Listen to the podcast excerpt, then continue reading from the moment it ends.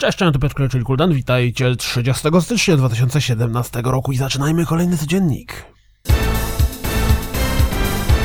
Pojawił się nowy zwiastun Timbleweed Park, skupiający się na jednej postaci, z którą zagramy. Jednej z kilku przynajmniej. Clownem.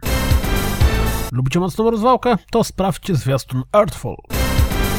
Sprawdźcie zwiastun Warhorn interesującego polskiego projektu. Gra prowadzi zbiórkę na Indiegogo. Do Gigantic dołączyła nowa postać. Wu. W Doodle Goda grałem w 2010 roku na Congregate. Jak widać ze zwiastuna, teraz będę mógł to powtórzyć na Xbox One, ale raczej tego nie zrobię, bo come on. Nowy zwiastun Hoba skupia się na muzyce.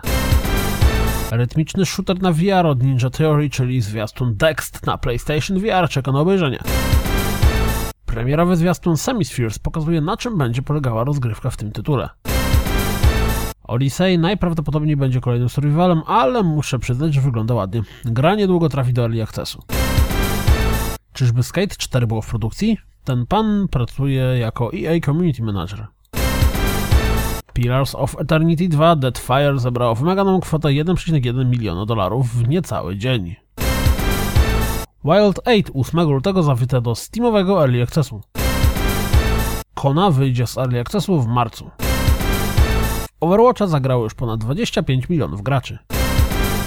Jak widać po tej wrzucie z Instagrama Michaela Ancela, The Wild dalej znajduje się w produkcji. Resident Evil 7 przekroczył już 2,5 miliona sprzedanych egzemplarzy.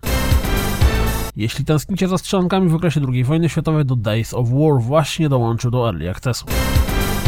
Pojawił się nowy fragment rozgrywki ze Sniper Ghost Warrior 3. Tokio 42 na nowym materiale dalej zapowiada się dość intrygująco. Pamiętacie zapowiedź Dauntless na VGA? A nie macie pojęcia jak to się będzie grało? No to sprawdźcie te 10 minut rozgrywki.